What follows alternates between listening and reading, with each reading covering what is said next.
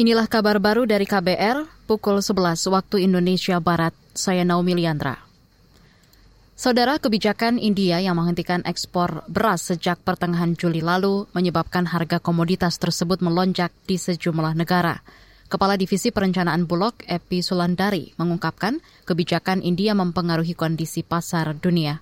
Harga beras di beberapa negara jadi langsung melonjak usai India menghentikan ekspor berasnya dengan adanya penghentian uh, kebijakan penghentian ekspor oleh India mengakibatkan banyak permintaan pasar ke Thailand dan Vietnam maupun Pakistan sehingga harga di beberapa uh, di tiga negara tersebut kemudian melonjak cukup tinggi bahkan untuk beras yang premium itu bisa sampai 20 sampai 50 dolar per ternya kenaikannya. Kepala Divisi Perencanaan Bulog Epi Sulandari menambahkan naiknya harga beras di beberapa negara harus disikapi dengan menjaga ketahanan pangan dalam negeri. Epi pun memastikan Bulog akan fokus menyerap beras-beras dari wilayah produksi domestik. Naskah Rancangan Undang-Undang Perlindungan Pekerja Rumah Tangga atau RUU PPRT disinyalir justru terhenti prosesnya di meja pimpinan. Anggota Badan Legislasi DPR, Lulu Nurhamida, mengklaim telah mendorong agar RUU itu segera dibahas. Namun belum adanya sinyal RUU bakal dibahas pada penutupan sidang Dewan bulan ini.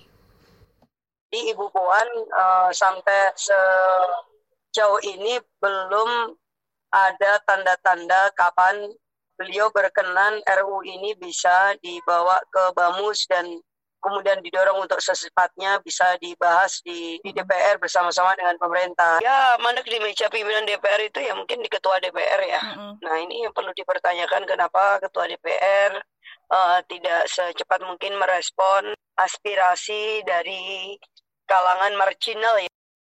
Itu tadi anggota Badan Legislasi DPR Lulu Nur Hamidah. Sementara itu, Jaringan Nasional Advokasi Pekerja Rumah Tangga Jala PRT mengancam melakukan aksi mogok makan mulai 14 Agustus. Aksi itu sebagai respon pembahasan RUU PPRT yang mandek selama 19 tahun.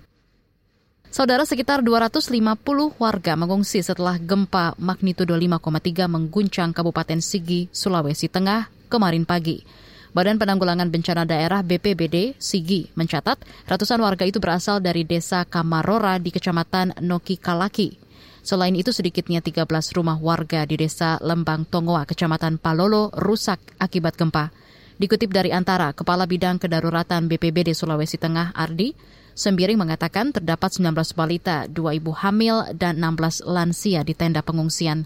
Sementara ini warga membutuhkan makanan siap saji, selimut, dan kelambu. Sebelumnya Badan Meteorologi, Klimatologi, dan Geofisika BMKG mencatat ada lebih dari 30 gempa susulan hingga malam tadi. Demikian kabar baru, saya Naomi Liandra.